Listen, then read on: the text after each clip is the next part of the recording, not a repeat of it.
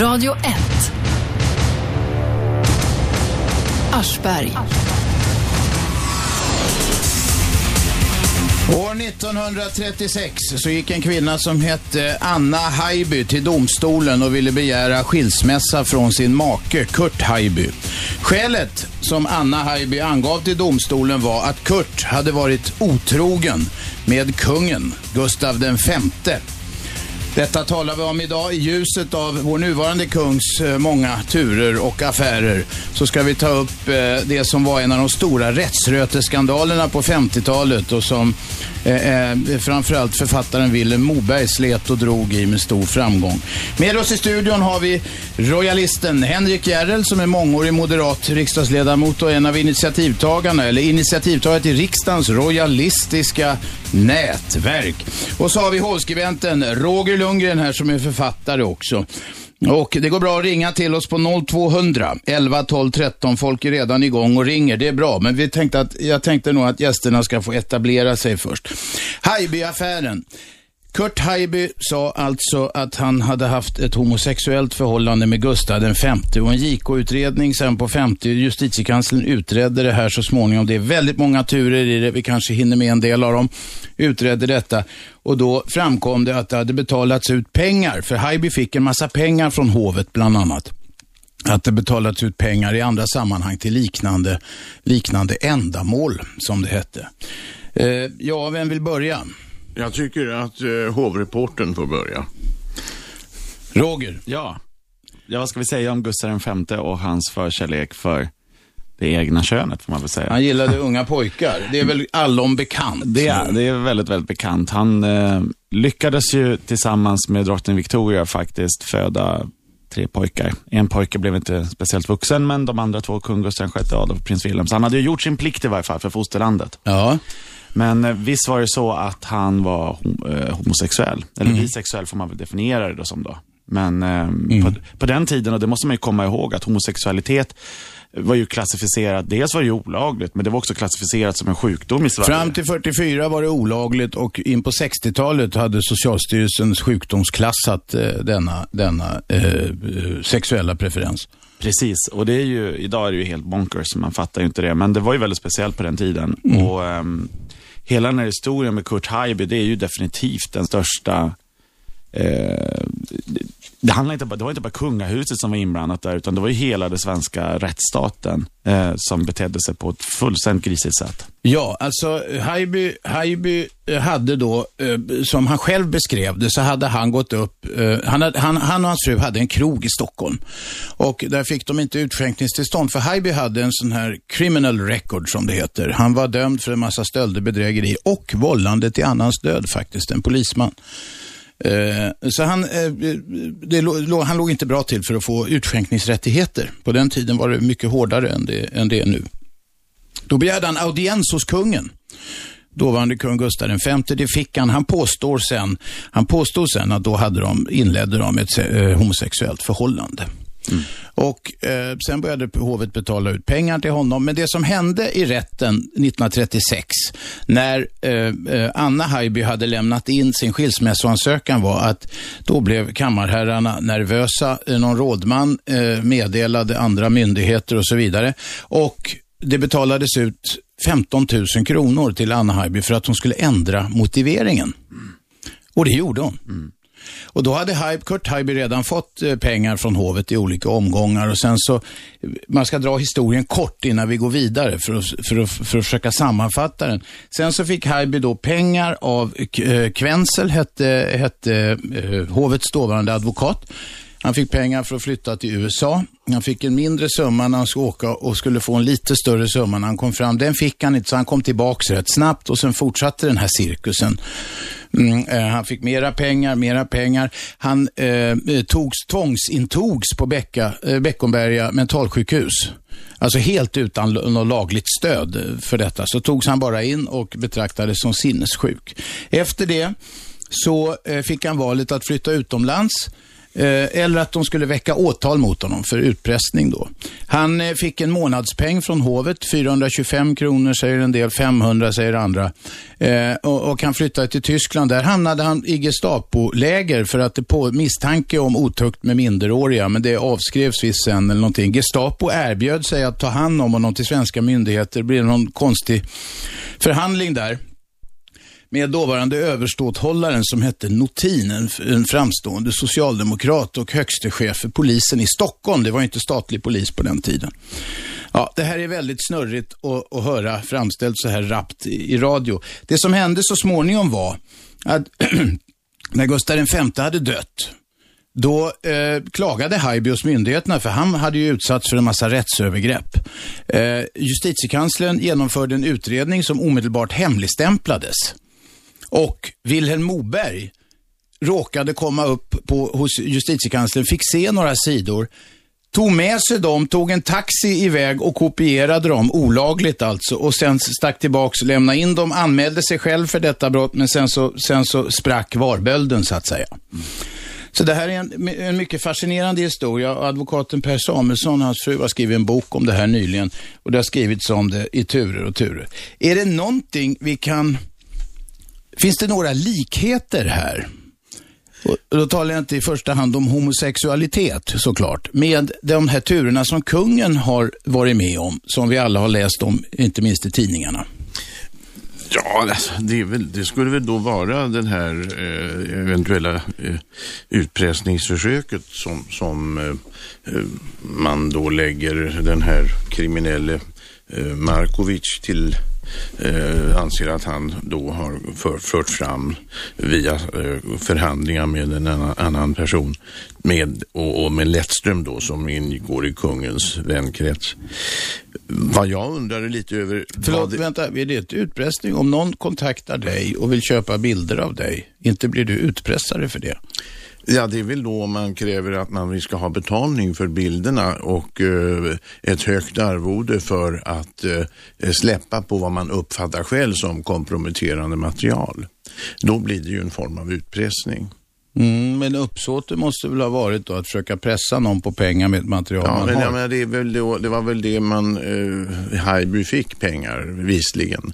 Men, men vad jag undrar över det, var, var det bekräftat den här homosexuella relationen med kungen som då vid den tidpunkten Det, var... finns, det finns olika uppgifter om det om man tittar ja. på. En del författare menar att det inte fanns. Men som jag säger, alltså liknande ändamål, jag vet inte. Om det nu inte var så, nu råkar jag ha träffat en, en, en, en, en herre som eh, inte tror finns med oss längre, Aha. som själv fick eh, gymnastisera naken framför Gustav V på Tullgarns slott. Så var pojk, poj, han tyckte om att se pojkar gymnastisera nakna. Aha. Så att, jag ska inte säga ingen rök utan eld, det är ju ett sjaskigt uttryck. Men ja. Alltså det, det, det, är ju så att eh, i det här landet som vill gärna utge sig för att vara en rättsstat så är det ju ett par vissa grundläggande rättsregler man måste efterfölja och det är att blir man anklagad för något då är det inte man själv som ska bevisa sin oskuld utan den som åklagar, den som anklagar en för något som ska bevisa att man har en skuld. Mm. Och eh, det lyser fortfarande med sin frånvaro i de nu aktuella frågorna kring kungen. Eh, här är det lösryckta skvallerhistorier och eh, obekräftade eh, rykten som far runt och, och ingen har sett bilderna ännu. Och jag jo, jo, det är folk som har sett bilderna. Det har TV4s reporter gjort och det har andra också ja, gjort. Men, vänta men om de är manipulerade eller är ingen som vet. Precis, och om det var bilder överhuvudtaget vet vi väl inte heller. Det var, vi fick ju blanka baksidor. Jag tror inte ett smack på det där eh, för närvarande. Och som sagt, är de manipulerade vet vi inte det heller, Robban. Så att, eh, Vilket jag just påpekade. Ja, och det var alldeles precis rätt gjort av dig. Och jag vill tacka för den här bra eh, inledningen av Harby-affären, för den var jag inte så så påläst på. Men det tycker jag var en, en god resumé du gjorde där. Ring oss på 0200 11 12 13. I studion har vi Roger Lundgren, författare och hovreporter och eh, Henrik Järrel som startade riksdagens royalistiska nätverk på den tiden. Han satt där för Moderaterna. 2003 var årtalet. Ja, Ja, jag tackar jag. Hur många var med i det där nätverket? Ja, du, du, jag, får jag, har vi tid då jag berättar? Vi har två timmar på oss här totalt. Ja, bra. Eh, jo, det var så här att det utgick ett påbud ifrån en republikansk del av eh, riksdagen. Eh, välkomna ledamöterna att gå med i Republikanska föreningen som skulle bildas vid riksdagen. Och eh, när jag fick det där då som en av ledamöterna så tänkte jag, här ska, det här ska inte stå oemotsagt. Utan snabbt som attan så skrev jag ihop en inbjudan, var med, välkomna och bilda ett royalistiskt nätverk. Och är det så att inte det räcker så var, var de välkomna att eh, söka medlemskap på Royalistiska föreningen som då vid den tiden var, hade drygt 20 år på nacken. Det är inte lite tungt för dem just idag. och det dröjde inte mer än, jag tror en och en halv, två timmar så hade jag ett 50-tal ledamöter som hade anmält sig i det här nätverket för min del. Mm. Och det tycker jag var ganska roligt. Träffades ni ofta sen och eh, ja, firade Ofta ska jag kungen? inte säga, men några gånger per eh, termin så blev ja. det väl möten. Ja. ja. Vem är med på telefon? Krille här. Krille, kom igen. Tja, eh, jag ville bara kolla, vad, vad är det, jag jag har haft lite fikarast här nu så jag har inte hunnit. För jag, tyck, jag väntade på att ni skulle säga vad ni pratar om. Och Jo, vi pratar om den så kallade, jag visste att det skulle bli snårigt, men vi gör i alla fall ett försök. Vi pratar om den så kallade Haijby-affären, döpt efter direktör Kurt Haijby. Som eh, eh på eh, 30-talet, han påstår då att han inledde ett homosexuellt förhållande med Gustav V. Han fick eh, efter det en jävla massa pengar från hovet i stora, eh, i, i omgångar. Och på 50-talet sen. För då hade kriminalpolisen i Stockholm som de, gav honom pengarna från hovet. Så polisen var inblandad i denna sjaskiga affär. Och på slutet så gav de honom ett engångsbelopp på 15 000 kronor. Och Alvar Zetterqvist som var någon slags överpolis i Stockholm på den tiden. Han blev också god vän med Haijby. Men han var i själva verket en informatör. Och på hans vittnesmål fälldes Haijby sen för de 15 000 kronorna. Och då kallar de det utpressning. Det som Zetterqvist hade förmedlat till, eh, till Haijby. Zetterqvist var förut på gåsmiddag hos Haijby efter detta och höll ett, ett fint tal till honom. Ja, hängde du med? Nej, det, jag kan erkänna att det gjorde jag inte. Men jag kommer fortsätta lyssna så kanske jag återkommer. Det här var en så kallad rättsröteaffär. Killen går ut och säger att han har haft ett homosexuellt förhållande med kungen. Och det här gör han eh på, eh, första gången på 30-talet. Och sen fortsätter det här i många år. Han får en massa pengar från hovet, men han tas in, tvångsintas på mentalsjukhus och skickas utomlands. Och det är rättsrötan, så att säga. Okej. Okay. Ja, hade du något mer? Nej, det var inget bös. Tack, tack, hej. Vem är med på telefon? Ja, god morgon. Det här är Lennart. Hej, hej. Historie-Lennart, ja, kom igen. Stämmer. Jo, eh, mycket intressant. Jag bara undrar, jag ska inte vara anklagande, men det borde också vara en republikan i studion, vad jag förstår. Om jag inte. Ja, men det får jag vara, det får jag vara så länge. Ja, och du också, Lennart. Jo, absolut. Jo, jag tänkte på en sak, det här att de flesta människor idag känner ju inte till de här rättsskandalerna som eh, skedde på 50-talet. Men jag kan rekommendera en mycket bra skrift eller bok som Willem Moberg har skrivit som heter att övervaka överheten. Mm. Där kan man gå in verkligen och läsa om Kane-affären, om Haijby-affären, om Selling-affären etc. Ja, det var en hel rad, det är ett pärlband av sådana här ja, rättsröteskandaler. Och det skrämmande var ju det som du nämnde i, i ingressen här att man skickade mer eller mindre tvångsskickade honom till Tyskland alltså och det var ju ett väldigt rättsövergrepp och satt in honom också på mentalsjukhus. Ja, det är ju gamla Sovjetmetoder. Ja visst, de satt in honom på Beckomberg alltså. Ja. Och eh, jag kommer att tänka på en sak angående republik, va, som de gamla romarna sa, de kallade ju för de republica. Och eh, eh redan 1912 motionerade, motionerade borgmästare Lindhagen om republik här i Sverige alltså. Mm. Och eh, han var eh, en ivrig republikan. Och 1914 dömdes han till böter, dagsböter, för att han hade ropat på torgen här, leve republiken. Och dömdes till detta brott eh, till böter genom men sen genom en ettöresinsamling betalade arbetarna det, alltså det här beloppet va.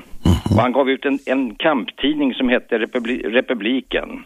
Och den utgavs av ungdomsförbundet Alltså Zeta Höglund som var Bra, Lennart, Lennart, jag har redan, du, du vet vad jag har sagt om dina föredrag. Jag tänkte bara där... Och jag har själv börjat det här programmet med att hålla ett som blev långt och trassligt. Jag honom Järrel där. Ja, kom igen, ställ frågan. Mycket intressant fråga. Att anser han att det är demokratiskt att ha i, i monarki som är så förlegat alltså? Vet du vad? Frågan får hänga i luften. Ja, vi, ja, ja. Vi, vi ställer den till Järrel efter reklamen. Vi är strax tillbaka. Radio 1.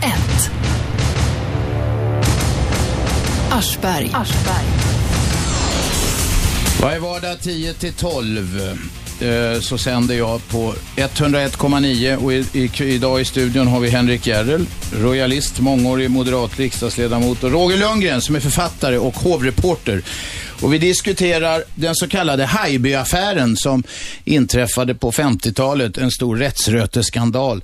Haijby som påstår att han hade haft ett homosexuellt förhållande med Gustav V, kungens nuvarande farfar blir det va?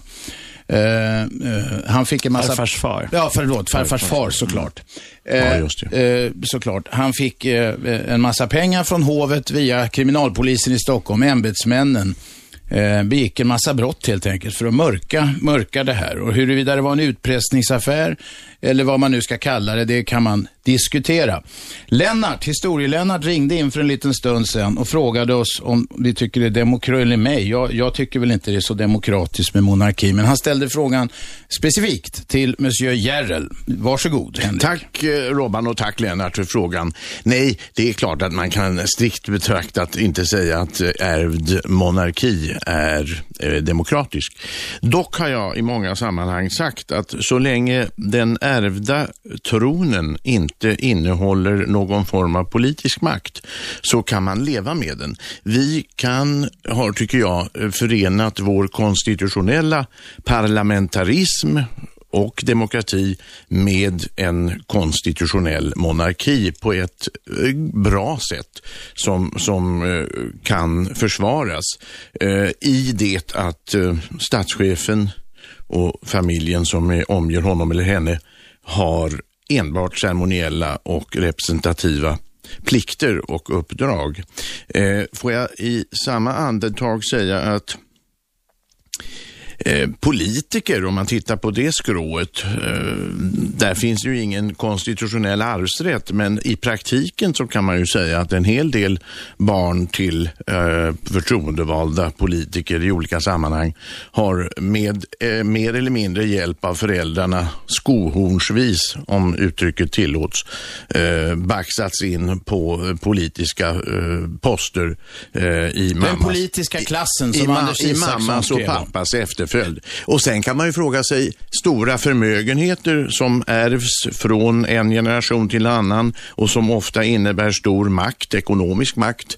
Hur demokratiskt är det? Ja, vad tycker en gammal moderat? Ja, jag tycker att det kan man väl, eh, i en demokrati och en rättsstat så måste man väl kunna få acceptera att den typen av arv ska få fungera. Och, och har man då i familjen under generationer arbetat ihop en förmögenhet och sparat och varit flitig eh, så ska väl det kunna få eh, fortsätta att förvaltas av kommande generationer fattig. Ja. Alla förmögenheter byggs upp med nej, nej, nej, En del har ju tillkommit på eh, mer eller mindre oschyssta grunder. Visst är det så. Mm. Och de ska ju synas i, i, i, i absolut i sömmarna, givetvis.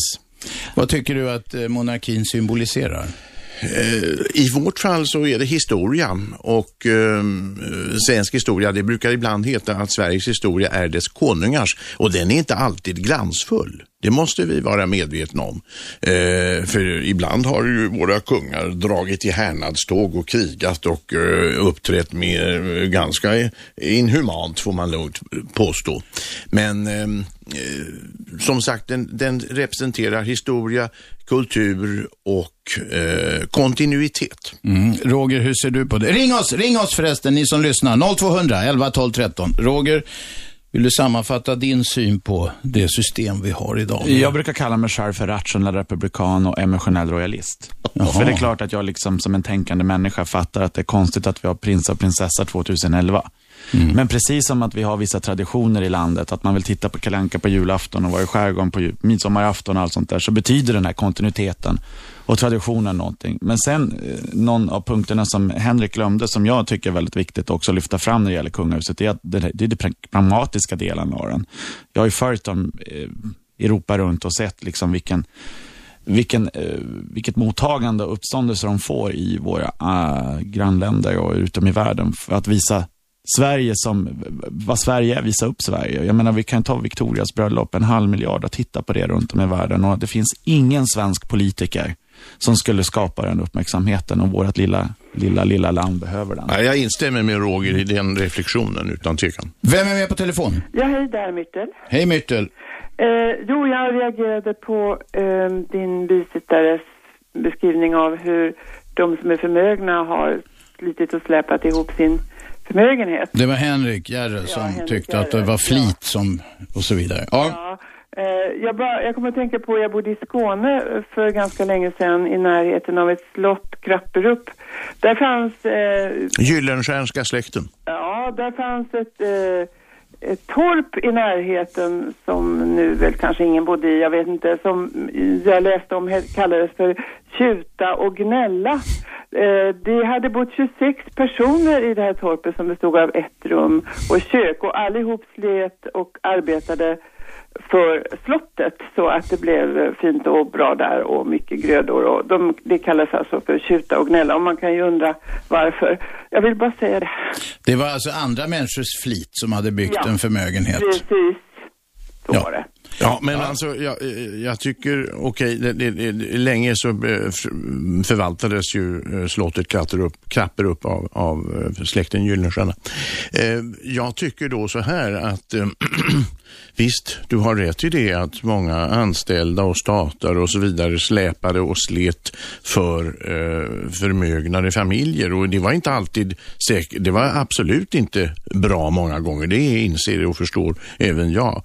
Men jag tycker man inte får ta förta för den skull att det finns personer som också har skapat sig en förmögenhet genom just egen flit och sparsamhet. Ja, man kan inte blunda för Myttel, det. du kan inte lära en gammal hund att sitta. Nej, men, nej. Ja. Det fick jag sagt i alla fall. Bra, tack. Hej. Vem är med på telefon? Hallå? Ja, hallå?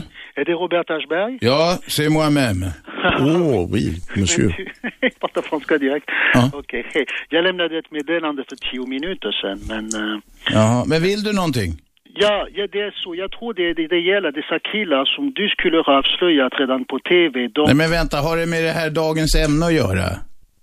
Dagens ämne? Ja, vi talar om Haijby-affären.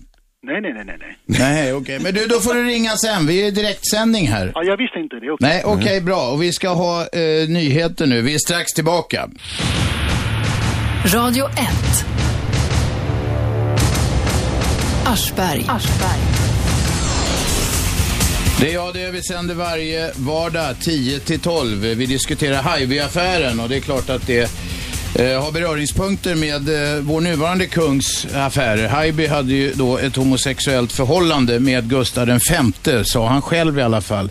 Och det var väl inte några som egentligen har motsagt det speciellt tydligt. Vem är med på telefon? Hej, jag heter Lasse Lundeberg. Kom igen. Jo, ni pratar om Haijby-affären, men eh, symbolen är en viktig kung för landet och enligt en, en demokrati ska ju ingen stå ovanför lagen, inte en statsminister. Men kungen står ovanför lagen. Undrar vad Henrik S. Järrel har att säga om det? Ja, det är riktigt att eh, kungen har åtnjuter i ämbetet, i sitt ämbetsutövning, en så kallad straffrättslig immunitet. Eh, det är han nu inte riktigt ensam om, för det kan man se i, runt om bland andra statschefer också. Eh, om man inte beställer en lagstiftning som från gång till annan, som i Berlusconis fall, eh, fjärmar en ifrån ansvar, straffrättsligt ansvar. Eh, han är visserligen inte Italiens president, men väl dess premiärminister.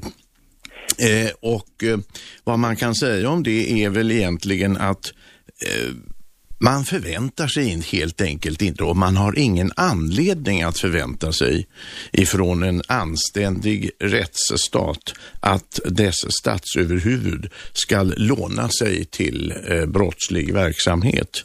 Eh, och om det mot förmodan eh, mer eller mindre omedvetet eller medvetet skulle ske så får det ju prövas från fall till fall i vad mån eh, statschefen i det här fallet kan eh, ställas till svars för sina handlingar.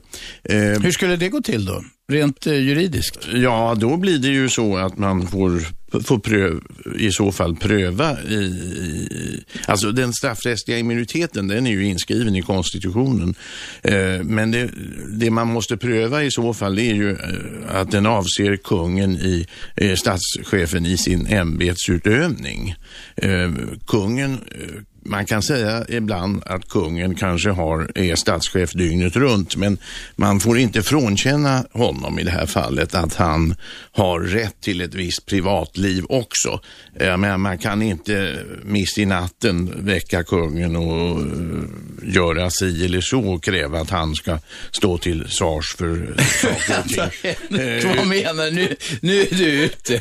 Nu är du ute och Nej, alltså, traskar i någon slags träsk här argumentationsmässigt. Ja, alltså, ibland så sägs det ju att kungen är statschef dygnet runt och dygnet består ju även av nätter. Eh, och jag drar ut de här konsekvenserna till orimligheter. Kungen har rätt till ett visst privatliv och en viss Kaffeflickor, om vi ska gå rakt på sak.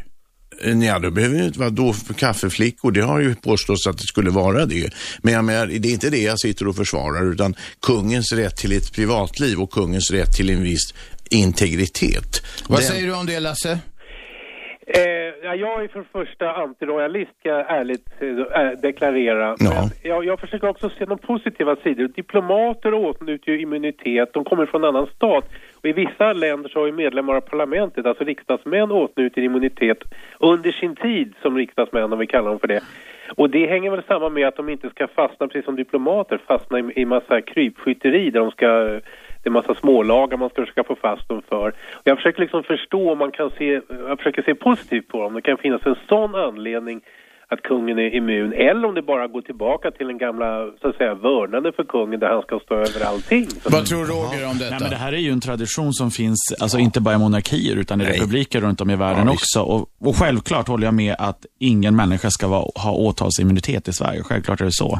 Eh, det enda kungen behöver vara orolig för det är väl hur mycket han gasar på, i bilen när han är ute och kör. Mm. Ja, sen får jag lägga men, till det. Ja, förlåt. Men, men, men, men sen också är det så här, alltså det finns ju massa saker med monarkin som jag själv, som ändå är royalist, tycker man måste, som man måste uppdatera 2011. Och det är till exempel det här med Eh, precis som du nämnde, åtalsimmuniteten, den tycker jag definitivt ska tas bort. Jag tycker också att hela apanaget ska vara offentligt. Vi har en eh, offentlighetsprincip i det landet och det finns en deal från Karl Johans dagar som gör att halva apanaget är hemligt och varför man fortfarande har det så, det tycker jag bara är töntigt.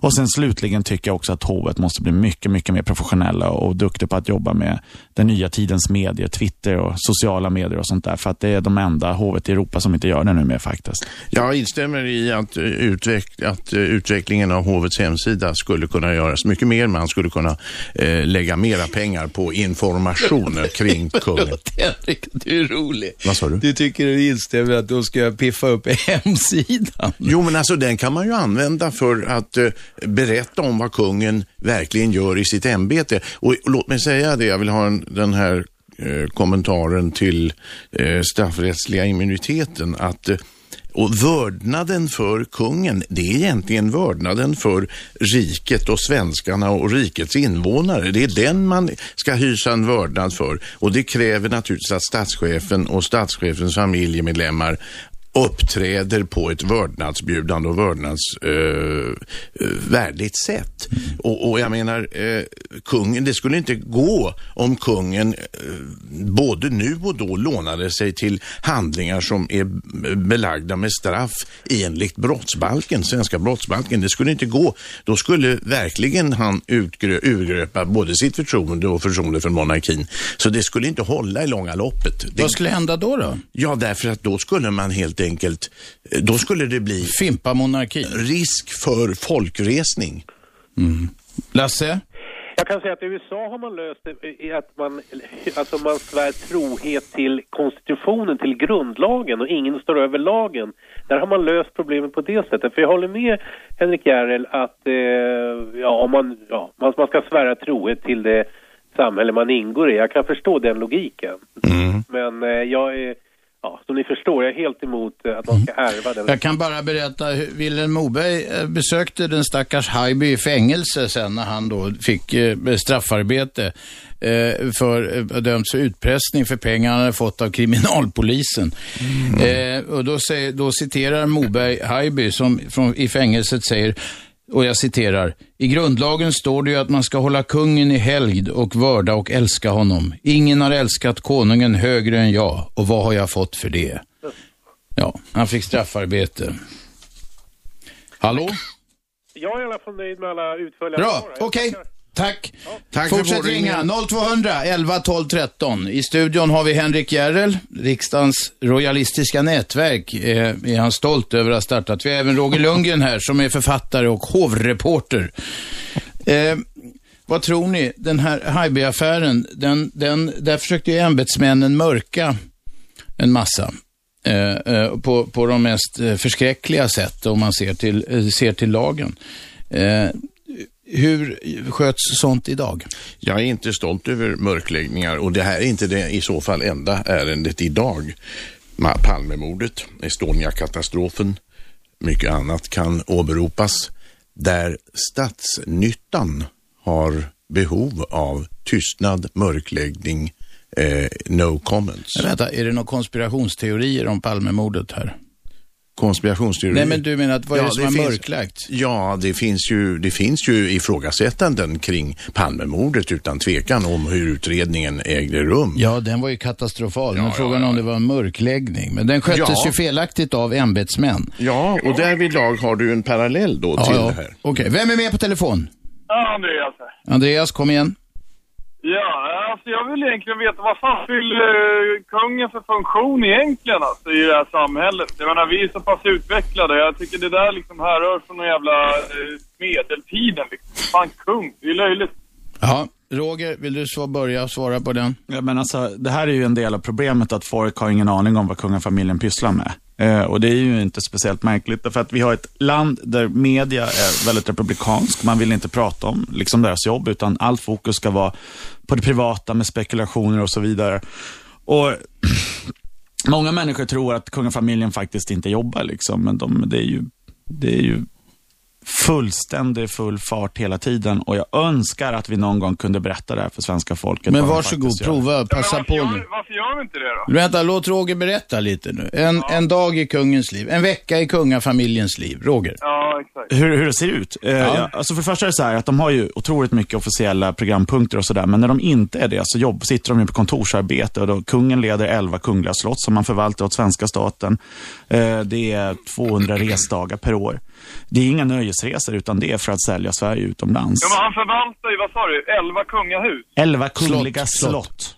som tillhör vårt gemensamma kulturarv. Förvaltar. Är det inte bättre att jämna det skiten? Nej, men hur kan du säga en sån sak? Ska vi, ska, ska, vi riva, ska vi riva slott som tillhör svenska folket? Det är ju bara trams. Självklart ska vi inte göra det. Oavsett om vi har Vänta, republik- vänta, låt, låt Nej, men jag känner mig Andreas... lite förbannad på den här, Ja. den här argumentationen när folk säger så här, Åh, avskaffa monarkin och gör- låt de hemflytt, hemlösa flytta in på slottet. Det är så här, inte ens kommunisterna liksom eh, gjorde så, utan självklart ska slotten, de tillhör oss alla. Ja, men det säger du ja som en bostad. Men nu pratar vi allmänt. Ja men herregud, det är väl inte, vadå, bostad? Det är väl, det är väl svenska staten som ska se till att folket har bostäder. Det, har, det ena utesluter ju inte det andra. Slottet då det- tillhör oss då är det alla. bra att börja- Då är det bra att börja någon ände och avskaffa monarkin så får man lite... Men vänta, du sa att slotten...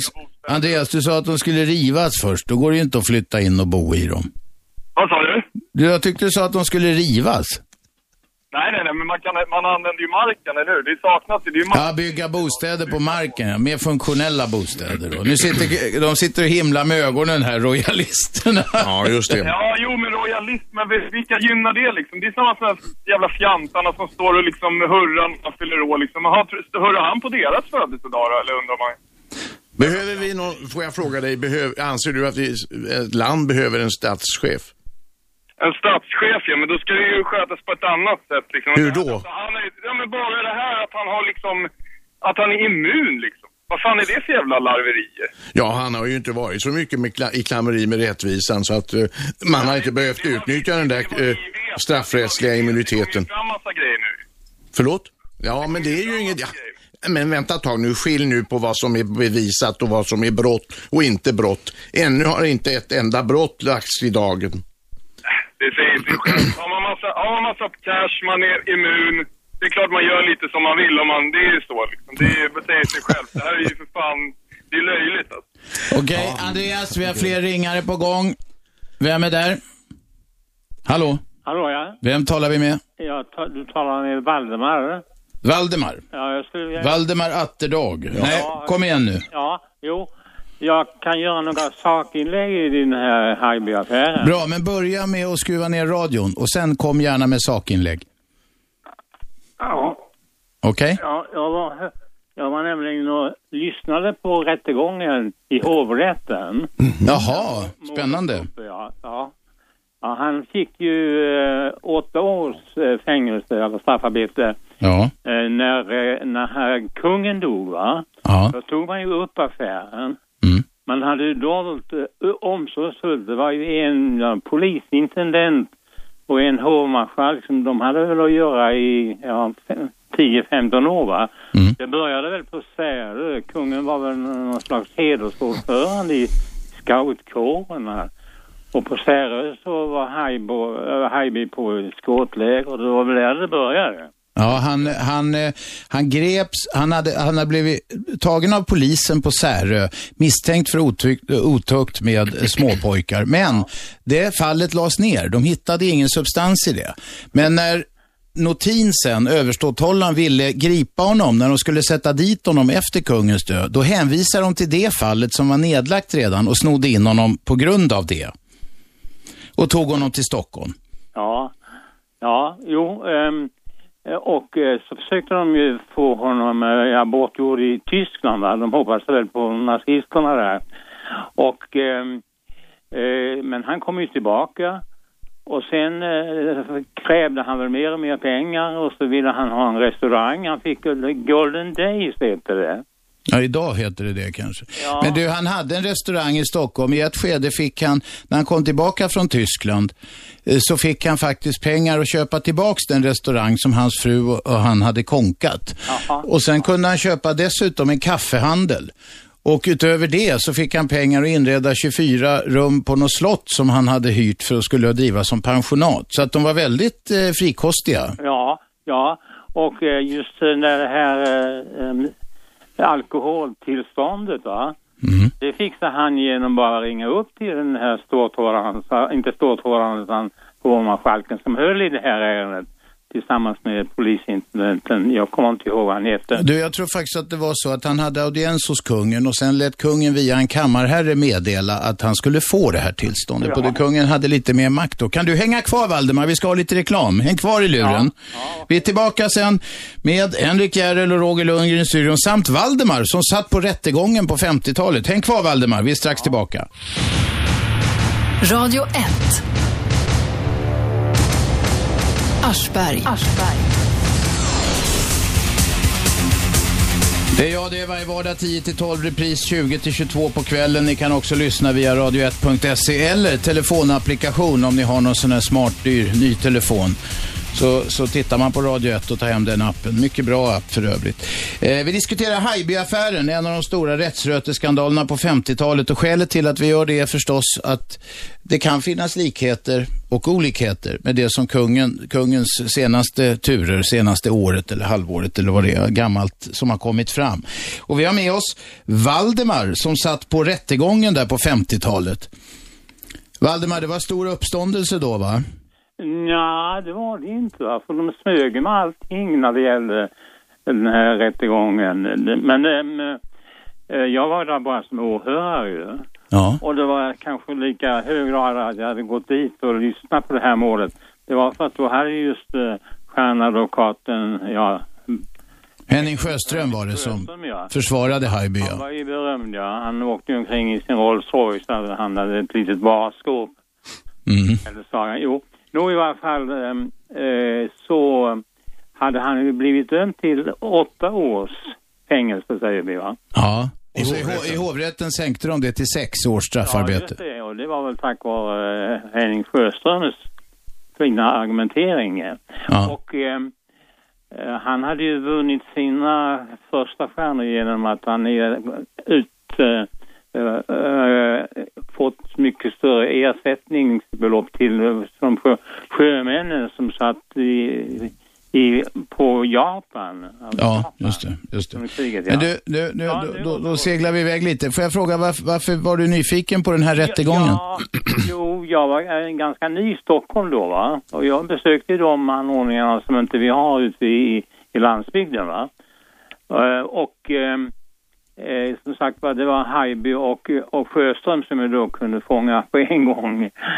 Och eh, jag minns inte så mycket av replikerna, men en replik eller en inlägg eh, så eh, sa Haijby att han kunde bli uppringd mitt i natten att han skulle infinna sig till slottet. Ja, han sa det under rättegången alltså? Inbjuden, nej. Han blev inbjuden till slottet. Ja, jag förstår. Men sa, sa han det i rättegången? Ja, visst. Ja, okej. Ja. Och, eh, och det straffet sänktes ju sedan till sex år. Och eh, ja, det var väl en hel del eh, intressanta detaljer då, men jag har glömt Ja, ja. detta, va? Valdemar, får jag fråga hur gammal är du idag? Ja, jag är plus 85. Ja, ja, ja. Ja. Eh, och ehm, eh, det, det var en hel del eh, ganska skumma saker som kom fram. Mm. Alltså hur de hade, han hade utpressat kungen till större och större summor. Ja. Och som sagt, det var just det här att de eh, försökte bli av med honom. Tyskland. Men de ämbetsmän sen som, som hade eh, bland annat tvingat in honom på mentalsjukhus fast han enligt utredning inte alls visade sig vara någon mentalt eh, sjuk. Eh, och som hade tvingat honom utomlands och så. De, det hände aldrig något med dem va? Eh, nej, man, man dolde ju allting tills, han, eh, till kungen dog va? Ja, det är viktigt att säga det när du, när du nämner det. Gustav V dog ju 1950. Ja. Eh, och fram tills dess hade ju Haijby kunnat fått sina pengar på det sättet han ville ha. Men Gustav VI Adolf, när han tog över då, han fick ju ta över pappas Affärer. affärer så att säga. Och han var en, eh, alla ser gamle kungen idag, de som minns honom, som en mycket snäll akademisk man, men det var en tuff gubbe. Det var det ja. Och han eh, sa bara liksom, fixa det här, för att han ville inte ha med det där att göra längre. Nej. Får jag fråga Valdemar, det är Henrik som talar nu.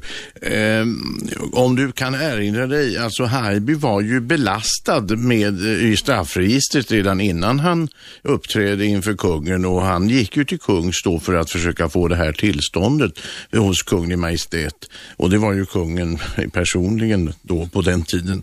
Eh, men eh, minns du någonting av hans straffbelastning? För jag menar, det fanns ju anledning misstänka att eh, just det här med utpressningsmomentet låg för Haijby för att få de syften han hade uppfyllda. Ja, men det var ju klart att han pressade ut pengar mer och mer. va? Ja, ja, jo. Och det, det var ju aldrig någon som eh, uh, yttrade någonting om att Haijby hade varit eh, eh, uh, straffad, utan Ja, men gick man inte Jo, men det igenom... måste ha kommit fram i, i, Ja, i, i rättegången. Blir- Han, var så, innan han fyllde 30 så var han dömd sex gånger för stölder och bedrägeri och sånt. Samt vållande till annans död faktiskt. Han var en ganska tungt belastad herre redan då, om man säger så, innan den här... Vilket då inte är något skäl att, att, Jo. att ställa honom utanför lagen ändå. jo, men det gjorde man så länge kungen levde. Ja. Men så dog han ju. Och då slog de till va. Så, och Mm. Ja. han fick åtta år va. Men det var ju en setup. Alltså de här 15 000 kronorna som, som, som dåvarande polischefen Alvar Zetterqvist vittnade om, det hade Zetterqvist själv sett till att det betalades ut. Så att det var ju en ful, ful grej de satte dit honom på va? Ja, det var- ju eh, den här hovmarskalken och Zetterqvist. Ja. De var väl nästan heltidsanställda för att Valdemar! Valdemar, det köar folk att ringa här. Tack för samtalet. Ja, jo, ehm, Alltså, var det något mer? ja, men jag söker ju mitt minne det som är dåligt. Du får ringa igen Valdemar. Tack för samtalet. Kjell, Ja, hej du. tala till oss. Ja, jag tänkte prata arvsmonarki. Arvsmonarki, ja. Ja, därför att ju ett eh, relativt nytt påfund egentligen. Just det. Förr i världen valdes kungarna. Kan du hänga kvar? Kjell, Kjell, Kjell, du ska få utveckla ditt resonemang. Vi ska ha lite reklam bara, så häng kvar. Radio 1. Aschberg. Och vi diskuterar Haijby-affären här. Kurt Haijby var en, en direktör eh, i Stockholm med ett straffregister som eh, på 30-talet besökte kungen för att få utskänkningstillstånd, dåvarande kungen Gustav V. Det fick han efter det och sen fick han en massa pengar från hovet i omgångar. Han påstod själv att det var för att han hade en homosexuell relation med Gustav V, den nuvarande kungens farfars far. Och det diskuterar vi och det håller på att flyta ut lite grann om monarki i allmänhet också. Det har vi råd med faktiskt idag att diskutera. Vi har med oss på telefon. Eller här. Kjelle var det ja. Kom igen Kjelle. Ehm, Det här med arvsmonarki, det är en ganska ny företeelse. Det var ju Gustav Vasa som införde det på 1500-talet. Kjelle, förlåt. Snackar du i någon kaffeburk eller något? Mm, Nej, hörs det bättre nu? Ja, det gör det. Något. Okej. Jo, eh, och ehm, tidigare så har man ju då valt kung bland eh, Sveriges fria män som det hette. Men eftersom vi då har en modern demokrati idag så skulle man ju kunna tänka sig det att man vart fjärde år eller någonting sånt där väljer någon som tituleras kung. Då har vi i, i princip infört republik men vi har ändå kungadömet kvar för de som gillar det. Vad säger herrarna? Vad säger Roger? Ja, jag brukar säga så här till när jag har suttit i debatter med Republikanska föreningen att absolut, vi kan ha en till valsedel varje val eh, där folk får bestämma om vi ska ha dels ha kung eller drottning, eh, om vi ska ha kvar det, eh, och vem som ska vara det. Men de brukar alltid tacka nej därför att de är väl kanske inte skraja för att de förlorar dem. Ja, nej men en, en, en nyvald kung skulle ju också kunna eh, svära trohet till konstitutionen. Det skulle inte vara några problem. Jag har en synpunkt där. Eh, Om man nu skulle införa ett sådant system så anser jag att en av förpliktelserna ska vara att ha krona och mantel. Ja. Jag har varit på en kungaresa, det här är över 20 år sedan, med kungen i USA. De får runt, det var något jubileum av för- förbindelserna mellan Sverige och USA. Eh, och eh, alla amerikanska journalister som man träffade när det var såna pressluncher och så, de frågade vem är kungen här? För där kom ett gäng, alla såg ut som tjänstemän från planverket och då trodde de alltid att det var Ingebund Bengtsson som var kungen, för han var äldst. Det var alltså dåvarande talmannen i riksdagen. Så att jag tycker det ska vara lite mer stil på det hur man än gör. Men det var en liten utvikning. Ja, men det var min åsikt. Jag föreslog det då själv för kungen, men eh, han eh, nappade inte på detta. Det. Ska man välja kung vart fjärde år till exempel, eller drottning, så förlorar man ju den viktiga kontinuiteten i det här fallet. Jag menar, vi har ju ändå haft Bernadotte på den svenska tronen sedan 1810. Eh, 1818 trädde han ju egentligen till eh, under namnet Karl Men det XIV. vinner är ju det demokratiska inslaget i det hela. Eh, Det, ja, ja, vet du vad? Det är klart att man kan säga det. Det är inte, att ärva en, en titel är ju eh, inte demokratiskt. Det kan man inte påstå. Men å andra sidan, jag återkommer till det som jag sa inledningsvis. Det skulle vara mycket värre och svårare att smälta om man ärvde dessutom politisk makt. Och det gör ju inte vår, eh, vår, våra Bernadottar. De ärver en representativ funktion och eh, att företräda Sverige och svenskarna. Och då tycker jag att det, det, det låter sig förenas med vår parlamentarism. Du får nöja dig med det Kjell. Tack för samtalet. Ylva, är du kvar? Jag är kvar, ja. Kom igen. Jag vill åter anknyta knyta till några saker här. Dels det föregående talare just talade om. Jag tycker det är jättebra att vi har en kungafamilj och deras främsta funktion är faktiskt att klä sig vackert. Just, du håller med mig om krona och mantel? Ja, visst. Absolut. Eh, och likaså att de ska vara behagliga, vänliga och trevliga och skapa samförstånd gentemot andra länder i världen.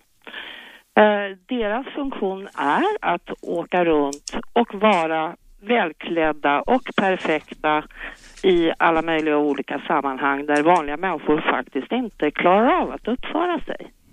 Eh, det tar en livstid nästan att lära sig hur man ska bete sig. Nej, den väntar Ylva. Kunnigheter. Jo, Om, åk, åk på en middag som Obama gjorde till exempel här till drottning Elisabeth av England som är regent till skillnad från vår kung som då inte har någon laglig makt utan han har en representativ funktion. Men vänta, vad är det här? Det tar en livstid att lära sig umgås med kungligheter. Vad är det för larv? Nej, inte umgås, men att uppföra sig perfekt i Mm. alla sammanhang över hela världen. Det Du, ett trevligt Jag tror du sätt. Ett trevligt sätt och ett leende. Jag tror du syftar på det Roger sa här, eh, att Obama började ju ta, Han började ha- höll tal under Han nationalsången. började skåla med, Mm. eh, när, i helt fel sammanhang. Han blev, eh, alla bara eh, vägrade att skåla med honom, vilket väl blev lite lätt. Vad är det? Vad fan? Om han vill... tills de har sjungit God Save the Queen. Ja. Men vänta nu, om han vill skåla med någon, det är väl hans sätt att vara trevlig. Vem fan har sagt att de här andra Jag bara riterna... säger Vi... att det är inte så lätt att komma till en middag första gången. Nej, och det tar en livstid menar du? Att lä... Ylva, Nej, inte, inte, ska det ta en livstid att lära sig? Inte för dig. Inte för människor som besöker, för de får, behöver inte bete sig perfekt. Men för en kungafamilj, som svenska kungafamiljen, de ska bete sig pe- perfekt. Ja, vi de hörde. har fullt med Ja. Ylva, vänta, vänta, vänta. Ylva! de. Ylva, Ja. vänta ett tag. Vi hörde just om den dysfunktionella brittiska kungafamiljen där de inte pratar med varandra ens. De skriver bara brev. Ja, det pratade vi om när jag var här förra Ja. gången. Nej, den brittiska kungafamiljen är väl lite speciell. Nej, de brukar, Charles brukar skriva brev till sina föräldrar istället Bra, för att ringa. Ylva, säg att det tar... Ylva! Drottning Elisabeth. Ylva, vänta! Drottning i 19 Ylva, nu fimpar jag dig. Så Du har måste ha lite fler- timing och lyssna också. Så har de lite Ja. fler skandaler också. Vem är med på telefon? Christian, Varsågod Christian, etern är din. tack. Jag har en fråga till eh, royalisterna där. Ja. Eh, de vid något tillfälle nämner om att kungen är statschef. Mhm. Och eh, vad har man för uppgift då? Alltså vad är det, har man något ytterst ansvar eller något sånt? Ja, han, ja, du kan börja. Nej, men alltså, Roger, Roger. Kungen fick en ny eh, konstitution att förhålla sig till som började gälla i 74. Och innan dess så styrde kungen, det stod så här i grundlagen, kungen styr allena riket tillsammans då med riksdagen. Men nu står det ju gudskelov att eh, makten utgår från folket. Eh, och då fick han liksom en helt ny roll att skapa och då har han ju då gjort genom att bli någon slags PR-man för Sverige, får man väl helt klart säga. Men sen också hans främsta uppgift är väl att ja, vad ska man säga, vara, vara Mr Sverige och samla landet i glädje och sorg, vilket vi har kunnat se under tsunami, men också under glada tillfällen som hockey-VM och sånt där, att då har liksom kungafamiljen haft någon funktion som har uppskattats hos folk ute i stugorna. Ja, okej, okej. Ja, Så att han har inget, det, alltså om det skulle exempelvis bli krig eller något, han har inget så här yttersta ansvar att det är han som beslutar. Nej, Nej. men så var det förut. Att då var kungen, kungen formellt överbefälhavare också. Eh, han har fått av representationsskäl vid utrikesrepresentation framförallt behålla generals och amiralsgraderna. Men eh, han har ingen som helst... Eh, Det är operettgrejer alltså. Så var det med det. Ja, vem är med på telefon? Roman. Roman, kom igen.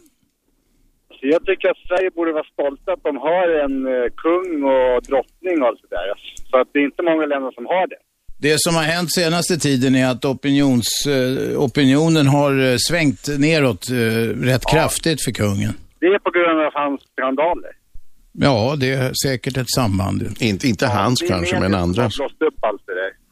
Men samtidigt har ju siffrorna för Victoria ökat markant. Ja, ja, hon verkar ju intressant. jättepopulär. Ja, sen ska man nog understryka följande att eh, eh, tittar man på siffrorna för eh, monarkin som statsskick kontra enskilda ledamöter eller medlemmar av familjen, kungliga familjen, så visar det sig ju att siffrorna när det gäller förtroendet för statsskicket som sådant svänger mindre än siffrorna för enskilda medlemmar av kungafamiljen. Man bör hålla det i minnet tycker jag.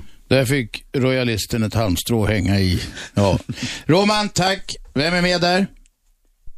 Hallå? Hallå, ja, ja. Vem talar vi med? Ja, det är Valdemar. Jag var inne tidigare. Ja, Valdemar som satt på Haijby-rättegången. Ja, just det. Ja. I hovrätten. Ja, jo, jag skulle ju komma fram till slutklämmen det va. Mm. Och det är ju hur allvarligt det, det är att när man tystar ner kanske i 20, 30, 40, nästan 50 år va, en sak som var så grov så att det sedan dömdes åtta års fängelse. Men sen då när kungen dog Då tog man upp det. Mm. Och så fäller man. Det är ju ett fruktansvärt exempel på hur fel det är att han ska ha immunitet va. Eller överhuvudtaget eh, monarki va. Så att du tycker att det borde ha undersökts huruvida han hade ett homosexuellt förhållande med denne Haijby och eftersom det var olagligt så skulle kungen ha straffats då? Nej men nej, det skulle väl gå i vanlig ordning men på den tiden så fanns väl inga homosexuella mål va. Det var, det var ju fel, det var ju straffbart va. Mm. Men i Haijbyfallet så kom det ju inte fram. Nej, ja, det kom ju fram tack vare bland annat Vilhelm Moberg faktiskt på 50-talet. Ja, men hans, hans, ja, men kungen, när dog kungen? Han dog väl 90, 1950 då Gustav V. rätt, ja. Ja. Ja, då tog man det. Ja, det var, det var då de gick in och satte dit Haijby slutgiltigt, ja. I- Ja, n- nej. Han blev väl aldrig slutgiltigt utan det var ju så fort som kungen dog va. Mm. Då tog man upp mål. va? Faktum är att det var Haijby själv som klagade på de rättsövergrepp som hade skett mot honom. Då startade justitiekanslern en utredning som pågick 51 till 52. Och sen så, när den var klar så hemligstämplades alltihopa. Men sen satte maskineriet igång för att få Haijby fälld. Och då gjorde de det med jävligt fula knep faktiskt. Ja.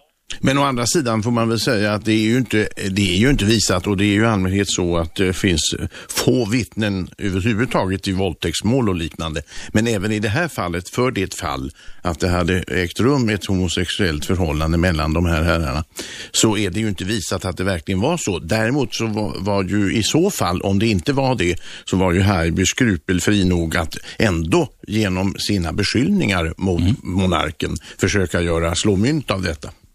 Vilket han också gjorde då.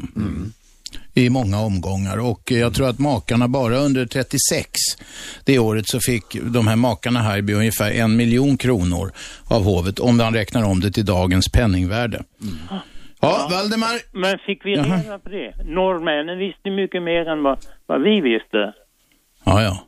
Det är en klassiker. Man skriver, i tidningarna, man skriver i tidningarna om vad som händer i andra länder med, och sen så kan tidningarna referera vad som står i andra länder och sådär. Ja. Ja, bra. Men, eh, det är fint att du arbetar för monarki.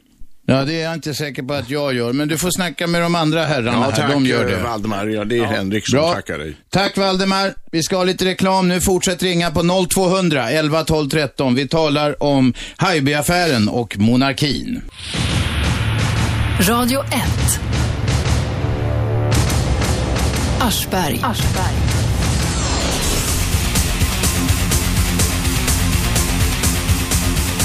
Ja, då är vi igång igen. Jag heter Aschberg, 101,9 frekvensen. Ni kan lyssna på radio1.se också. Där går det bra att kommentera programmet medan vi sänder. Ni kan lyssna på ett här telefonapp också som heter Radio 1.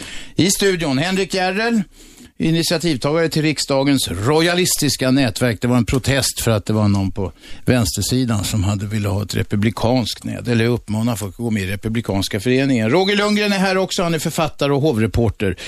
På telefon har vi med Lennart, historie-Lennart. Kom igen. Ja, jag tänkte fråga eh, Järrel eh, om inte den här skandalen då berodde på att i alla förhållanden att... Eh, Vilka vilka, Talar vi om Haijby-affären nu? Ja. att den, nä- nämligen i förhållanden att statschefen då står över lagen va? och då måste man till varje pris skydda honom i, för eh, just men- att inte få en skandal på Det sig. beror också på Det att det fanns, det fanns ännu fler såna här människor runt hovet som svassade och skulle skydda institutionen och så vidare. Och då, jag menar, därför så, det blev ju till priset att rättsordningen kan man väl säga upphävdes alltså på, på det viset va. Och, och de här pengarna som betalades ut, vad jag minns rätt så skriver ju Moberg någon gång om att det var ju till och med polischefen, jag tror han hette Ja, det har vi Alvar sagt. Alvar Zetterqvist, han som betalade ut pengarna. Ja.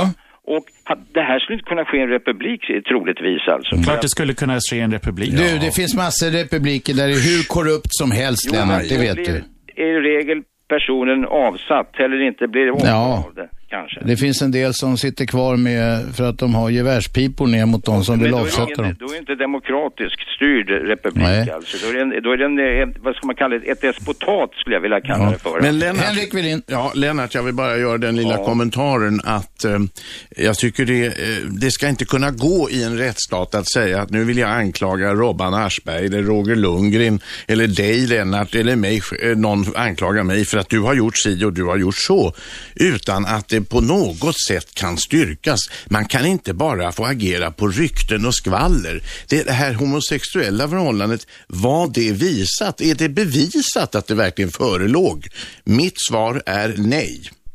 Nej, men det som är bevisat är, det vet vi inte. Det vet Eh, det finns mycket Nej. som talar för det, men det som är bevisat är att hovet betalade ut en jävla massa pengar för att få tyst på mannen. Mm. Jo, men ryktet var ju redan i svang. Och här har vi då en, möjligen en parallell, vänta Lennart, en parallell till när kungens mycket fine gode vän Lettström försöker köpa bilder av eh, eh, gangstern Markovic. Ja, och då menar jag att det är påståenden som ännu inte är belagda. Och samma sak var det väl med homosexuella de är inte relationer. belagda, men Lettström har bett om ursäkt för att han ville göra detta och det får man väl säga är ett belägg.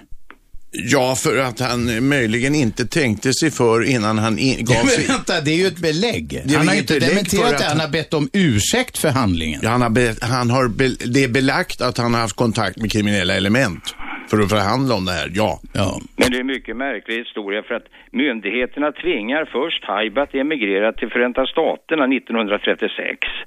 Och så kommer han tillbaka till Sverige och då tvingas han till Tyskland. Men därifrån så återkommer han till Sverige och då sätts han in på, jag tror det var Beckomberga. Ja, det var det. Professor Gösta Rulander då företog en, eh, en företagen sinnesundersökning som visade att Haijby var mentalt frisk. Va? Ja, ja, Aldrig behov utan av vård. Jag tycker det är skumt när polischefen betalar ut pengarna med. Det måste ju vara, alltså ingen rök utan eld. Va? Jag ska inte uppehålla er längre. Men det var för en setup tror jag, för att sätta dit Haijby. Tack Lennart. Jaha, Hassan är med. Ja, hej, det är, det är jag Aschberg, hej. Kom igen. Eh, det, vad jag undrar är så här att de här människorna, alltså jag, jag har ingenting emot att vi har kungarike och jag har ingenting emot att folk tycker om försvaret. Men å andra sidan, vad, vad är det som inte, som inte säger att, att kungen, kungen måste lägga alla kort på bordet och erkänna vad som har hänt? För jag menar, det här hade varit ganska, en liten grej, en droppe i, i havet. Om kunden hade ställt sig framför media och hade sagt det här har vi gjort, det här har vi inte gjort, så här är det. Och, och antingen hade bett svenska folket ursäkt eller hade sagt så här var det och vad dumt det kanske agerat. Det var för länge sedan, gjort det och gjort det, nu är det andra tider. Ja, du är inte ensam om den åsikten. Det är ju många i pressen, eh, till ledarskribenter och andra som har hävdat samma. Vad säger du Roger? Ja, jag håller med dig Hassan. Jag tycker, att det, alltså jag tycker att hela den här kommunikationen från slottet har sett väldigt konstig ut ända sedan boken kom ut. Va? För grejen är den, alltså återigen, liksom, det här är ju, allt det här, väldigt mycket av det här är ju skvaller och jag har ju fått höra av folk runt på slottet och i familjen också som menar att det mesta är förtal. Ja, men då kan man väl säga det då och säga det att så här är det, det här är liksom ingenting som, som är sant eller det här är sant och om någonting då är Istället för sant. att säga att man ska vända blad Nej, men bara. precis. Det blir väldigt, väldigt fel. Och sen är och det får vi väl säga så också, det här med, med de här gubbarna som umgås med kungen, Lettström och kompani. Alltså, jag brukar säga så här, att med sådana vänner behöver man inga fiender. För man behöver inte vara Nobelpristagare för att fatta att nu är det största mediadrevet mot Sveriges kung någonsin har skett. Vilket det var under boken i höstas. Mm. Och är man då själv utpekad som en av de som har varit inblandad i de här taskiga kvinnoaffärerna som kungen utpekas för. Då kanske man inte ska ta kontakt med gangsters och maffian och börja förhandla just under den tiden. Alltså det är ju, det är ju häpnadsväckande illa. Ja, vad säger du Hassan? Sen, ja, sen en, annan- en annan som jag funderar så här att de som argumenterar för kungariket i Sverige, så fort man säger någonting negativt eller den här tar upp, så tar man ju upp vad kungen gör för Sverige. Det är två olika saker. Du kan jobba för ditt eget land, för ditt eget folk. Men det, alltså, det ger inte rätt att agera som man agerar. Alltså, det måste vi skilja. Till exempel om jag säger så här, jag är bra för min familj fast jag har en annan tjej på sidan. Det, alltså, det, det rättfärdigar inte att jag gör fel. Bara, Nej, det gör det inte. Sen tror jag att... Precis, det där argumentet är fel. Så att sitta här och försvara kungariket idag, är det jättesvårt för man sitter ju, det är odemokratiskt, vi vet hur kungen fungerar, ingenting, man lägger aldrig någonting på bordet. Och idag tycker jag faktiskt, istället för att vi sitter här och diskuterar att kungen har gjort och inte har gjort det, det bästa är att kungen själv sätter framför folk och säger vad som har hänt, för det är ändå 20 år sedan. Mm. Vem bryr sig vad han gör för privat Sen- han umgås? Sen är det högst delade meningar om hur mycket han säljer Sverige också, men det är kanske en annan diskussion. Henrik. Vänta, släpp in Henrik Hassan. Nej, men det kan, ja, okej. Ja, jag, jag vill göra den kommentaren att eh, det är alltså ännu inte visat eh, det här. Det är mest beroende, bottnar i skvaller. Och eh, eh, kungen har då sagt att han är glad att vissa klarheter har skapats, men att han, och att han tar avstånd från alla kriminella förhandlingar med, eller förhandlingar med kriminella element. Han har gjort ett sådant uttalande. Får jag säga sen att jag eh, blev kontaktad av en eh, eh, frilans-researcher som heter Desiree Shine. Hon har faktiskt eh, ägnat sig åt att följa upp en del av eh, det som skrivs i den här boken, Den motvillige monarken, och haft kontakt och intervjuat en del av de personer som... Det har eh, hon gjort på uppdrag va? Nej, jag tror hon har gjort det helt frivilligt. Jag läste någonstans ut på uppdrag Hon har av- gjort det av- på av helt de här frivilligt. vännerna. Alltså, ja, nej, jag tror... Mm. Ja, ja, det spelar ingen roll. Fakta är fakta och, och då, om man får fram konstaterar, då konstaterar hon att eh, en del av de här personerna hon har haft kontakt med, de har inte sett varken kung eller eh, entourage, alltså hans följe, eh, på de här ställena. Och eh, vitsordar detta. Och jag för, för min del kan säga att varför skulle man fästa mindre tilltro till hennes efterforskningar än till kriminella element som använder materialet för att försöka hudflänga kungen och möjligen pressa ut pengar. Ja men andra sidan, varför säger inte så kungen? Varför alltid man, man citerar en annan källa? Någon som hade gjort någonting. Varför säger han inte själv? Det finns väl en tradition, alltså du har rätt i sak, helt klart. Samtidigt är det så här att kungar och drottningar, de är, funkar inte riktigt som alla andra kändisar. Och, i, och, och, och de uttalar sig aldrig i media på det sättet. Det gör ingen kung eller drottning i hela världen. Det bara är så. Va, vad skulle hända om Fredrik Reinfeldt hade hamnat i samma situation? Skulle Nej, det skulle ju inte gå såklart, därför att han är, han, han, är han är den mannen som styr Sverige. Nu är ju kungen en symbolisk figur. Och och vad innebär, varför, vad är det skillnaden? För att han är folkvald och kungen är inte folkvald, är det inte? Alltså, Ha- Hassan, du får ursäkta mig, men jag tror faktiskt inte, om vi nu ponerar att kungen skulle framträda i något, en presskonferens och säga att jag var inte där, jag har inte gjort det och det, så tror inte jag att vare sig en del republikvänliga journalister eller politiker i riksdagen eller annorstädes skulle låta sig nöja med det, utan då skulle drevet fortsätta och man skulle, alltså kungen kan hamna och riskera att hamna i en tråkig modus vivendi här. Till exempel att det läggs bevis på bordet. Nu, mina damer och herrar, så ska vi ha nyheter. Tack för samtalet Hassan. Fortsätt ringa på 0200 11 12 13. Vi är tillbaka efter nyheterna. Radio 1. Aschberg. Varje vardag 10-12 på 101,9. Sveriges nya pratradio. Ni kan lyssna på radio1.se också eller via telefonapplikation.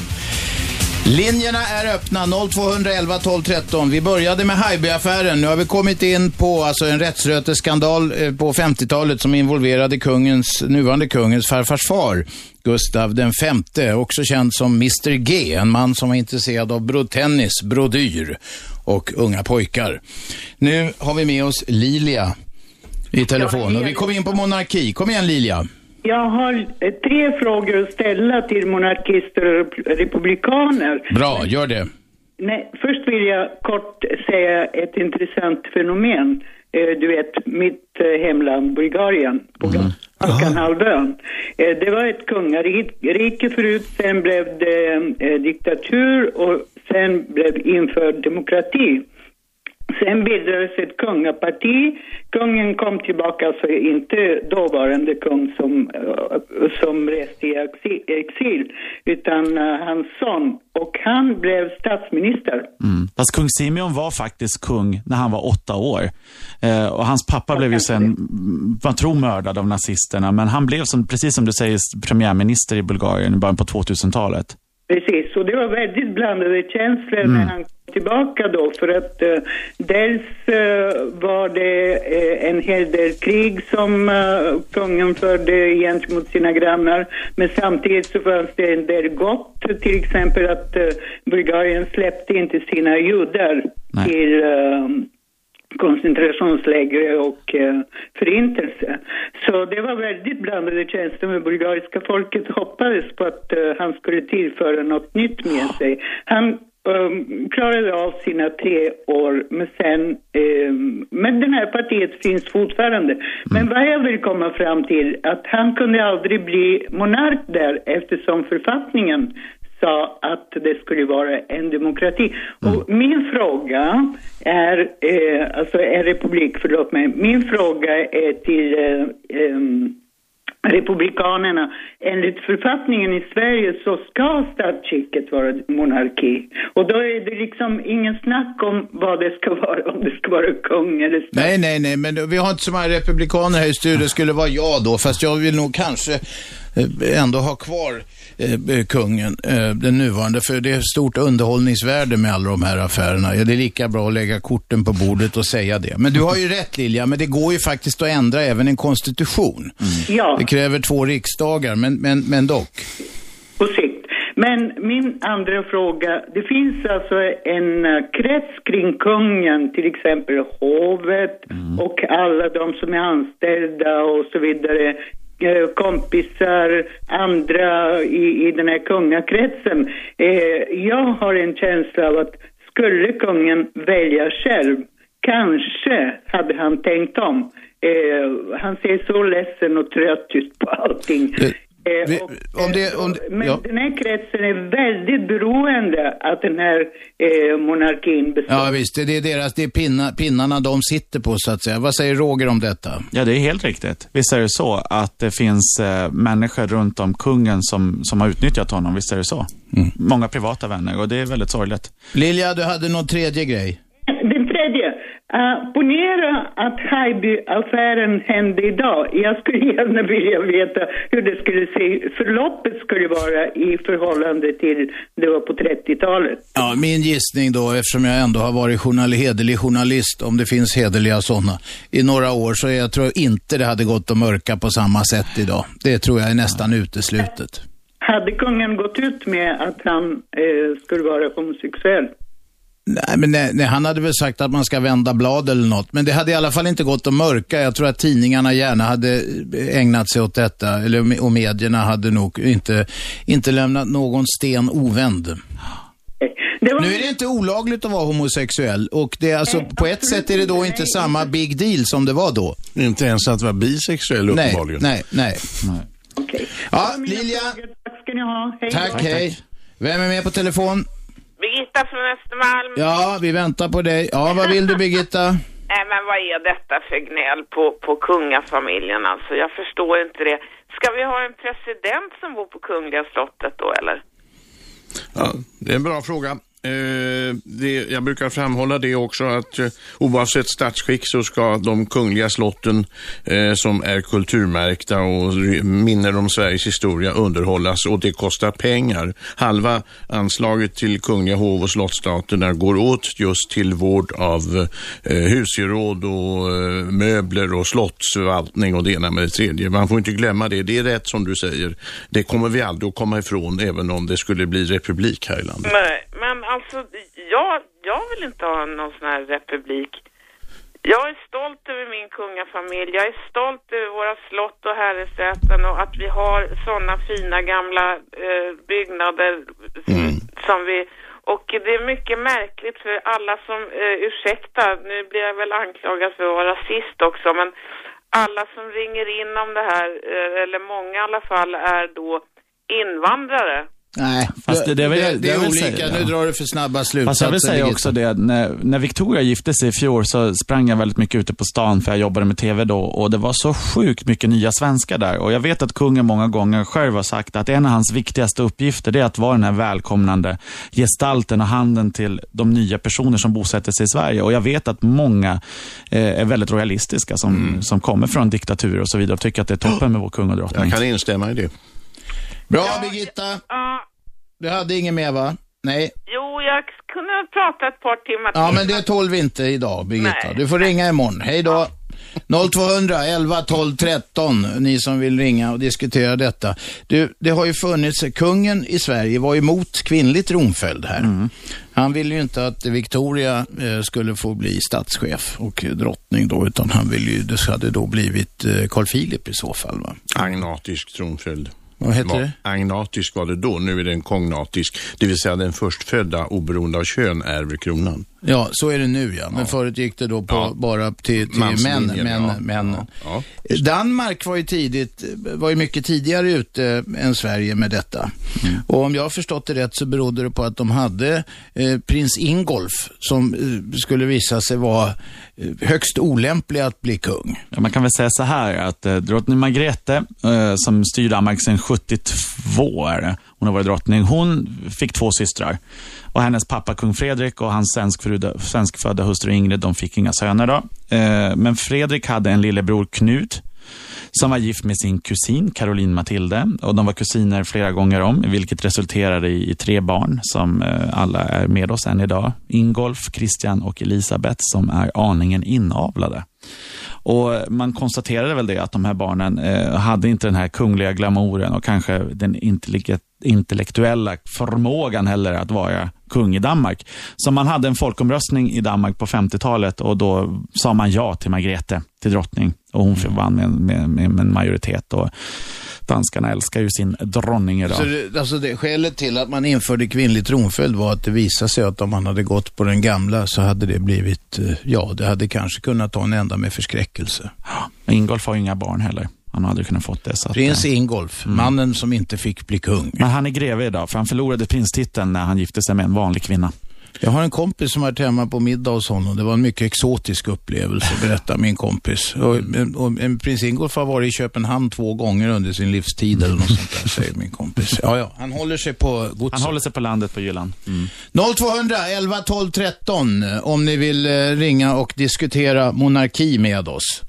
Birgitta var trött på, på gnället på monarkin. Själv tycker jag ju förstås, det har jag sagt tidigare, att det är bra som underhållningsgrej. Det är en slags eh, dokusåpa som, som pågår hela tiden och den blir inte sämre av de här affärerna. Inte ett dugg. Du Den talar- blir mer lik Big Brother eller något sånt där. Robban, du talar ungefär som att folket behöver både bröd och skådespel. Ja, det gör de ju. Det är inget fel med den devisen. Nej, och då är det det roligare skådespel med en kungafamilj än med en grå avdankad presidentpolitiker.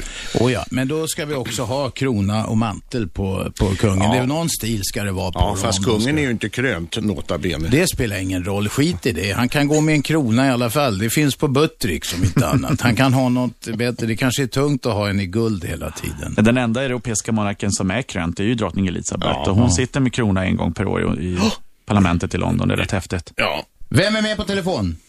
Det är sheriffen. Vem? Sheriffen. Sharisa, kom igen. Okej. Jag skulle, ja. Jag skulle bara säga så här. Den här kvinnan, Östermalmskvinnan, Ja. hade sagt någonting liksom invandrarna mest alltså kritik för kungafamiljen. Ja, hon, hon, Vilket jag har lyssnat hela programmet, hade inte kommit någonting kritik från invandrarna. Sen skulle jag säga jo, det har det gjort, inte- men det spelar Kan du ingen... vänta? Kan du vänta? Eh, har vi inte rätt? Vi lever i 30 år, kanske mer, så flera av invandrarna har inte rätt beskriva sina åsikter om sin kungen. Jo, jo, jo. Men Birgitta från Östermalm, hon... Men eh, kan du vänta, Robert? Sen jag skulle säga en annan sak. än. Jag har inte lika lyxig som eran språk. Jag kan inte uttrycka och förstärka mina argument med eh, lika som ni. Alltså. Men jag skulle bara säga så här. Under själva programmet, två, två saker har jag hört liksom. Ni sa alltså eh, rökelse utan eld eh, kan inte hända. Ibland, det här är eh, sådana uttryck att man kan inte eh, generalisera. För att ibland man kan säga ångest som är rökelse också. Nej, rök utan eld, det var jag som sa det. Och jag sa att man ska inte säga så faktiskt. Okej, men sen jag ska säga så här. Självklart, vi är, jag som är en person, jag är inte mot monarki. Jag älskar mycket min eh, kungafamilj. Men om vår kung kunde inte göra tillräckligt sin tjänst som statschef varför kan han inte lämna kronan till drottning Silvia till exempel? Hon är, hon är mer, mer alltså intelligent kvinna och, li- och- sen vi har fått kritik självklart, vi har fått kritik på grund av Silvias fader var så nazist och så så. Men sådana, vår massmedia, ibland gräver sådana saker och ting. Men man kan inte Du Charisa, i sakfrågan där så tror jag att, att det han kan lämna över till om han vill, sen vet jag inte hur det skulle gå till, det är, eh, Victoria, kronprinsessan. Ja, men en annan sak som jag vill liksom, det viktigaste i den här diskussionen, Ja. alltså två saker, två ämnen mycket viktigt. Alltså vår, äh, vad heter den, juridiken funkar inte, inte så rättvisan för att kungens kompis har erkänt med sin via sin eh, brev att han hade tagit kontakt med två maffiagrupper i ämnen i det här en maffiagruppen som han tog kontakt att han skulle tysta den andra maffiapersonen som utpressade kungen med bilder. Och Ja. det här undrar jag, varför våra åklagarna kan inte öppna åtal och mörklägga. Det här är skandal och hyckleri med vår svenska lag, alltså rä- rättsväsen. Nej men vänta nu, vänta, vänta, Charisa. Man får ta kontakt med vem man vill. Det är inget olagligt att prata även med någon som är dömd eller har begått något brott. Alltså kan man ta kontakt med liksom att för att utpressa någon annan? Nej, det får man, man får inte utpressa, men att, att ta en kontakt, eh, det är inte olagligt. Jo, jo, men de andra två personerna, hade, eh, den här Anders, alltså kungens eh, kompis, hade tagit kontakt för att tysta den här Milosevic, vad, vad kallar man den här? Ja, men det är inte olagligt att eh, be någon att få köpa ett par bilder. Att köpa en annan sak än att man tar kontakten för att hindra den andra, andra personen är annan sak. Självklart. Den, här, den här personen också, utpressning också är olaglig liksom. Ja, jag är tveksam till om det är utpressning. Charisa! Japp. Nu har du fått ventilera det du ville. Vi ska ha lite reklam, vi är strax tillbaka och fortsätter. Då är det slutspurt i monarkidebatten här. Vi började med Haijby och nu hamnar vi på monarkin. Vi är strax tillbaka. Radio 1. Aschberg. Vi började med Haijby-affären på 50-talet. Nu talar vi om eh, vår nuvarande kung. Och Haijby-affären, det var alltså Kurt Haijby som eh, påstod att han hade ett homosexuellt förhållande med Gustav V, också känd som Mr G, den tennisspelande och broderande kungen. Eh, vi har Henrik Järrel och Roger Lundgren i studion och med på telefon. Vem har vi med? Ja, det är Katrin här. Katrin, kom igen. Ja, jag tycker det är så synd att prata om kungahuset på det här sättet. För att de gör ett fantastiskt arbete station för hela Sverige. Vem skulle finna sig i att arbeta på det sättet i, i dagens läge? Ja, det som har, om det nu är sant eller någonting, det spelar ingen roll. Alltså det är 20 år sedan. Eh, Och eh, kungen har eh, fick axla ett stort ansvar. Så, han var så ung, han hade rätt att vara ung också. Jag stötte nämligen på honom väldigt mycket på Alexander. Skryt inte Katrin. Nej, men det, det är faktiskt sant. Jag tillhörde den svängen. Bra, kan du berätta en sak för mig? Han var kan, kan du berätta en sak för mig Katrin? Ja. Vad, hur läser man av det, den betydelse kungen eventuellt har i att representera Sverige? Vad är det för nytta med det? Kan du ge mig lite hårdfakta? Ja, jag, nej, men jag tycker det. Han, han bygger broar alltså. Han representerar oss och, och bo, hela kungafamiljen tycker jag. Vad har det betytt för Sveriges bruttonationalprodukt? Ja, det är svårt att säga. det är Det är mer vad man vill tro, eller hur? Ja, kanske det. Ja. Dagens Industri brukar ju försöka mäta det där Ja, vad kommer år. de fram ja, Det är till ju då? intäkter på någon miljard sådär som, som kungahuset är värt. Och jag kan ge ett tydligt exempel på drottningen satt på ett statsbesök i Brasilien för ett år sedan. Och, sitter de, och då var det förhandlingar mellan en stor industrigubbe där och, och eh, en verksamhet i Sverige. Hon bara, men slå till nu, kör, kör, kör, kör. Och han gjorde det och då skapades det 60 arbetstillfällen helt Okej. plötsligt. Ja, det var väl gott. Det var väl bra. Just det, och eh, jag tror att eh, även några eh, dristiga studenter vid Handelshögskolan i Stockholm för x antal år sedan, jag kan inte säga när, försökte skriva någon trebetygsuppsats eller liknande där man försökte skapa sig en bild av penningmässigt vad betyder kunga, eh, monarkin och kungafamiljen för Sveriges exportinkomster. Vad kom de fram till? Ja, alltså det rörde För det första så reserverar de sig eftersom det är jättesvårt överhuvudtaget. Svårt att räkna på, ja. Absolut, det kommer ingen att kunna lyckas med. Men de talade om miljardbelopp också om jag minns Okej. rätt. Katrin, där fick du lite svar. Vem är med på telefon? Ingen som orkar vänta. Vem är med där? Ingen som orkar vänta. Fortsätt. 0200 11 12 13. Några signaler kan ni orka vänta. Vem är med? Det är Stefan. Stefan, tala till oss. Ja, jag tänkte bara säga, jag kommer från en, eh, jag kommer från forna Jugoslavien och jag har bott här alltså 22 år. Jag måste ju säga att Svenska hus har fantastiskt fina anseende i Serbien och, och hela de, alltså landet. Och sen, eh, vad ska jag säga för det andra, alltså det är väldigt svårt att leva i de ramarna som kungen måste ju leva. Tyvärr, men det är så. Du tycker synd om kungen? Nej, jag tycker inte synd. Alltså, jag tycker att han umgås med, med folk som, ja, skulle sälja sina föräldrar bara att de glansar med honom. Så att, eh, jo, det är klart, han måste ju ta sin ansvar. Men jag, men jag måste säga att många svenskar vet inte att eh, rent allmänt Sverige är en fantastisk anseende. Åtminstone på Balkan och speciellt framförallt uh, kungahuset. Så jag är monarkist. Bra, tack för det. Vem är med? Vem talar vi med? Tjena! Stefan här. Stefan igen, en annan Stefan. Kom Ja, igen. en annan Stefan. Det är populärt namn där. Kung-Stefan. Du, eh, det, det här är ju ganska mycket nonsens. Eh, som företagare och sett vad de har gjort med eh, exporten så är det inte speciellt mycket. Snarare är de nog en belastning för många företag på den internationella scenen och drar, drar omkring med sina stora entourage, skulle jag säga. Berätta något exempel för oss. Har du något? Ja, men du, du ser de här besöken till Brunei och andra konstiga republiker där det enbart har gynnat eh, kungens polare i affärer. Jag, jag ser inte att eh, företag till företag så tar det mera tid och energi. Okej, du tror att det, att det är meningslöst eller kontraproduktivt? Nej, jag tror inte han hade fått jobbet som marknadsdirektör för AB Sverige, så att säga. Va? Nej. Jag, jag tror man får lyfta det till en annan nivå. Han ärvde ju det, så vi kan inte skylla det på honom om han inte är tillräckligt god marknadsförare. Nej, det kan vi inte göra, men däremot måste man se konsekvenserna av det hela. Ja, okej. Tack för synpunkten. Vem är med på telefon? Ja, tjena, det var Matte här. Matte?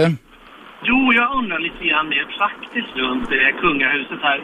Alltså, är det inkvoterade kling och klang som är, som är rådgivare åt kungahuset? För jag menar, Alltså, de måste ju inse nu när veckopressen eller dagspressen har gått ifrån nyhetstidningar till veckotidningar i stort sett, även kvällstidningarna.